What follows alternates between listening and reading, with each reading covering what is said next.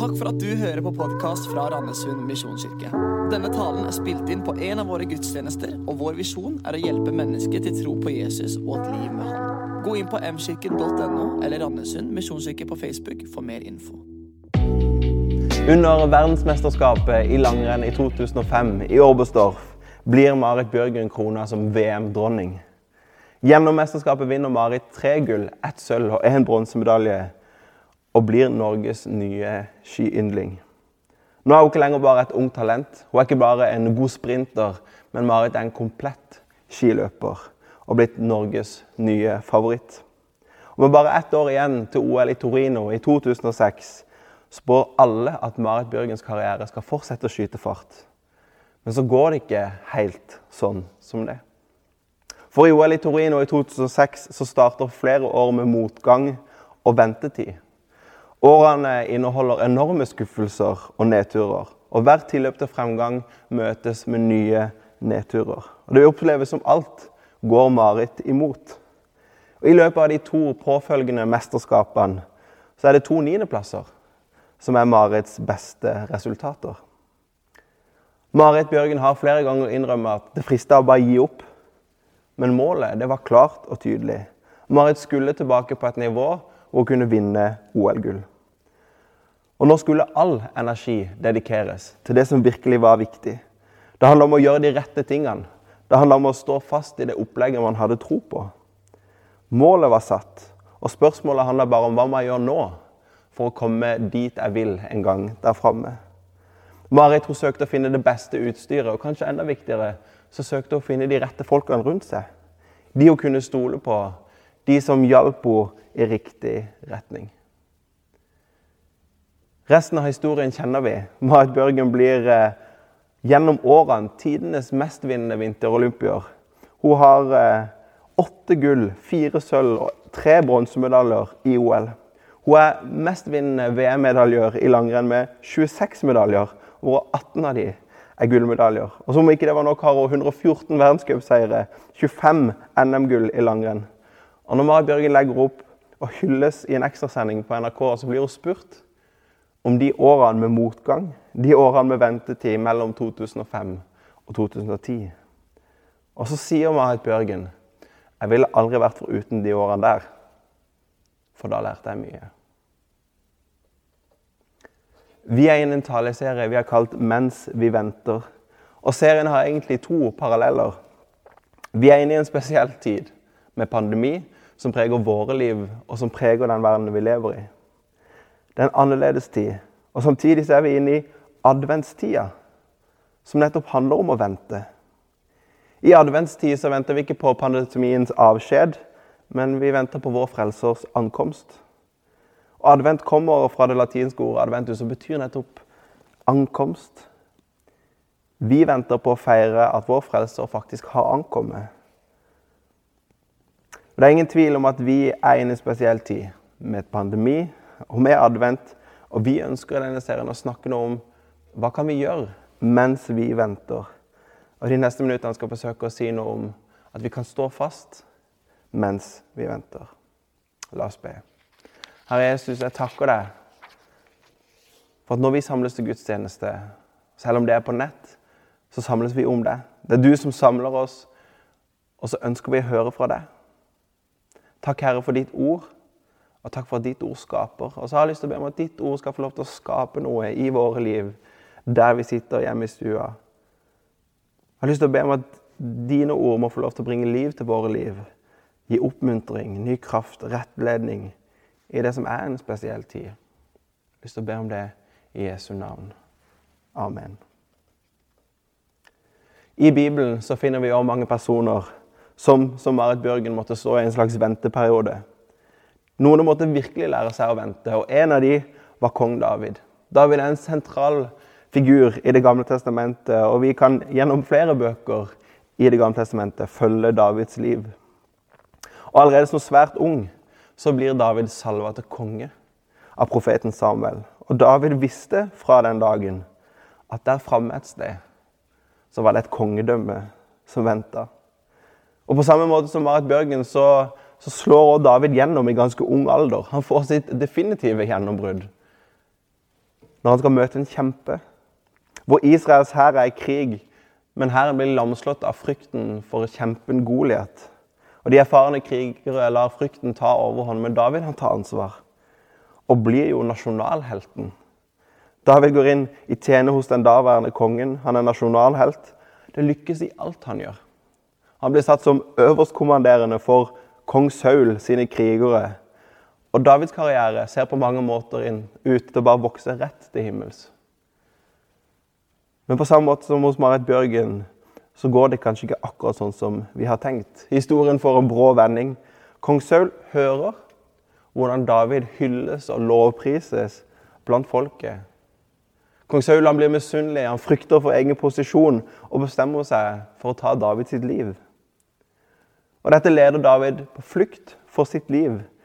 Og I mange år lever David som flyktning i eget land på konstant flukt fra en konge som ønsker å ta livet hans. Det var kanskje ikke sånn David hadde sett for seg at det neste kapittelet skulle bli, når han blir nasjonalhelt etter å ha slått Goliat og etter å ha gått inn i kongens tjeneste.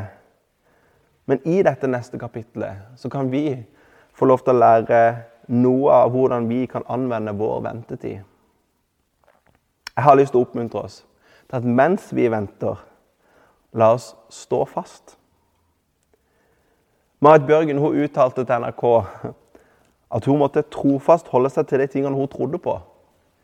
Hun måtte fortsette å gjøre det hun visste var rett, og fokusere på de tingene som faktisk var viktig. Og Gjennom historien til David så ser vi noen av de samme tingene. I krisen, i ventetida, i vanskelighetene, så sto han fast i det han mente var viktig. Blant annet kan vi se at David er helt bevisst på at han ønsker å stå fast i sin tro. Han ønsker å prioritere relasjonen til sin Gud. Etter at David og hans menn bl.a. ble angrepet av amalekittene, så står det at David søkte styrke hos Herren, sin Gud.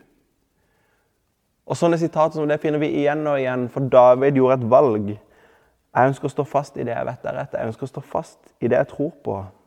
Og i en tid hvor den normale rytme på sett og vis forsvinner ut, så har vi tro på viktigheten av å fortsette å holde en slags disippelrytme. Mens du venter, hold på de gode vanene, de vanene som hjelper deg i din tro. I sin bok 'Kunsten å forme livet' så skriver Stian Kilde Aarebrot om hvordan vanene former oss som mennesker. Og Han sier det vi gjør, former måten vi tenker på, i langt større grad enn motsatt. Særlig gjelder dette det vi gjør jevnt og trutt, altså vanene våre. Vanene former oss litt etter litt. Og de gode vanene de hjelper jo ikke bare i ventetida, men de er med på å forme det neste kapitlet du skal inn i også, fordi det former det. Mens vi venter, så ønsker vi å oppmuntre til å holde fast på vanene dine. Hold fast på troa di. Hold fast på det som hjelper deg i din trosvandring. Vaner av å bruke litt tid i Bibelen. Vaner av å bruke litt tid i bønn. Vanen av å delta på gudstjeneste selv om den er på nett. Vanen av å prioritere smågruppa di. Vanndråper huler ikke ut stein fordi det drypper som med enorm kraft. Men det huler ut stein fordi det drypper jevnt og trutt hele tida. Og på samme måte så former de gode vanene oss litt etter litt. Og så må jo jeg innrømme, som kanskje noen av dere kjenner på, at i en ventetid, i den tida vi er i nå, så er det kanskje ikke like lett å skulle holde på de tingene som man vet er viktig. Noen ganger kan det være enklere sagt enn gjort.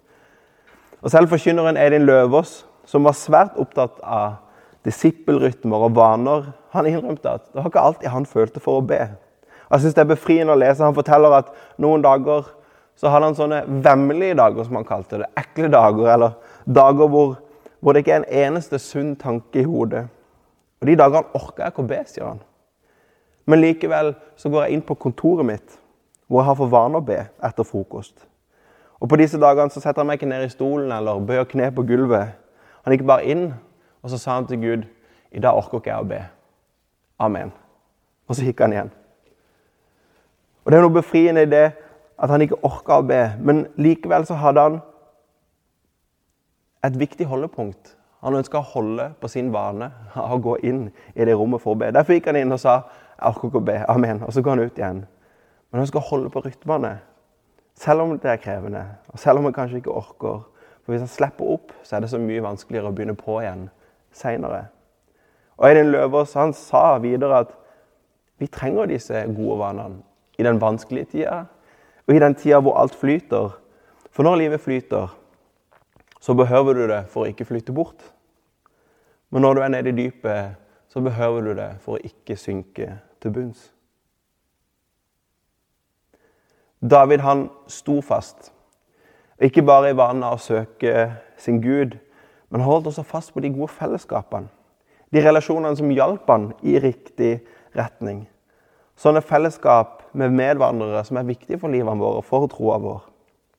Vi leser at selv om han var på flukt for kongen, så traff han noen venner. Han fikk noen møtepunkt, bl.a. med Jonathan, en nær venn. Og så står det i 1. Samuels bok 23, 16, Jonathan hjalp David å finne nytt mot hos Herren. Koronatid er kanskje ikke tid for de store og mange fellesskapene. Men det kan være tida for de få og dype fellesskapene. Marit Børgen søkte å finne mennesker som hun stolte på, som kunne hjelpe henne i riktig retning. Og kanskje kan denne ventetida nå være en tid hvor du investerer i noen dypere fellesskap som hjelper deg i din tro, og som hjelper deg i riktig retning. David sto fast i sin tro, i de viktige fellesskapene. Og I ventetida så kan det jo være lett å kjenne på motgang, usikkerhet, kjedsomhet.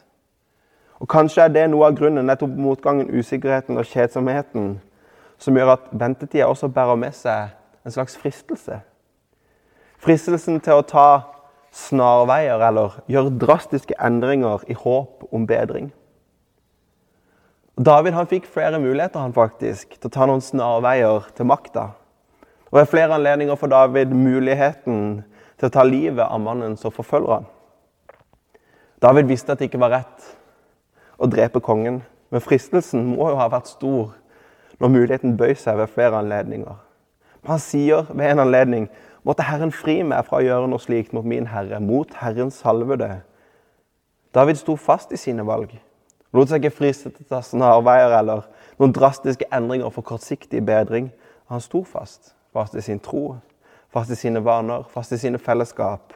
Han sto fast i sine valg.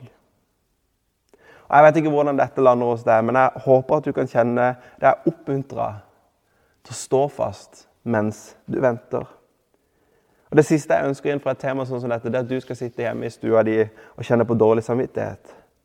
For ofte, hvis vi er helt ærlige, så er det kanskje det vi kjenner på når vi utfordres til å stå fast i vanene våre og utfordres til handling. Jeg utfordrer deg til å ikke ta snarveier. Men det eneste grunnlaget for å kunne si akkurat det, det er jo at vi har en frelser som ikke tok snarveier. Jesus han hadde også et valg i Getsemanehagen når han var på sitt mørkeste. Han hadde et valg. I det øyeblikket så valgte han oss. Han tok ikke noe snarvei, men han gikk korsets vei. Led døden på korset for deg og for meg.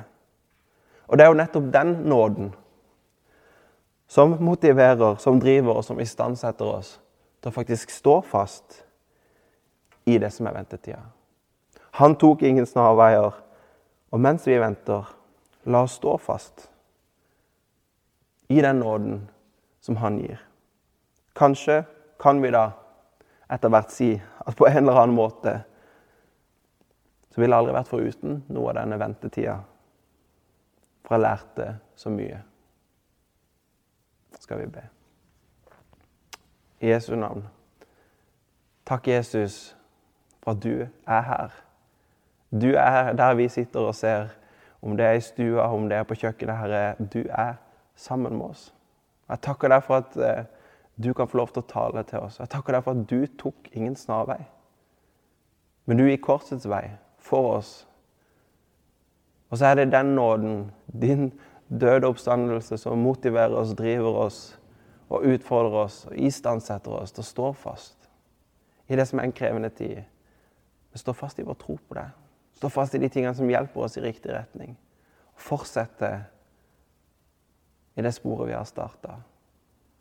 Sånn at vi i neste kapittel kan fortsette å søke deg. Og fortsette å leve et liv sammen med deg. I Jesu navn. Amen.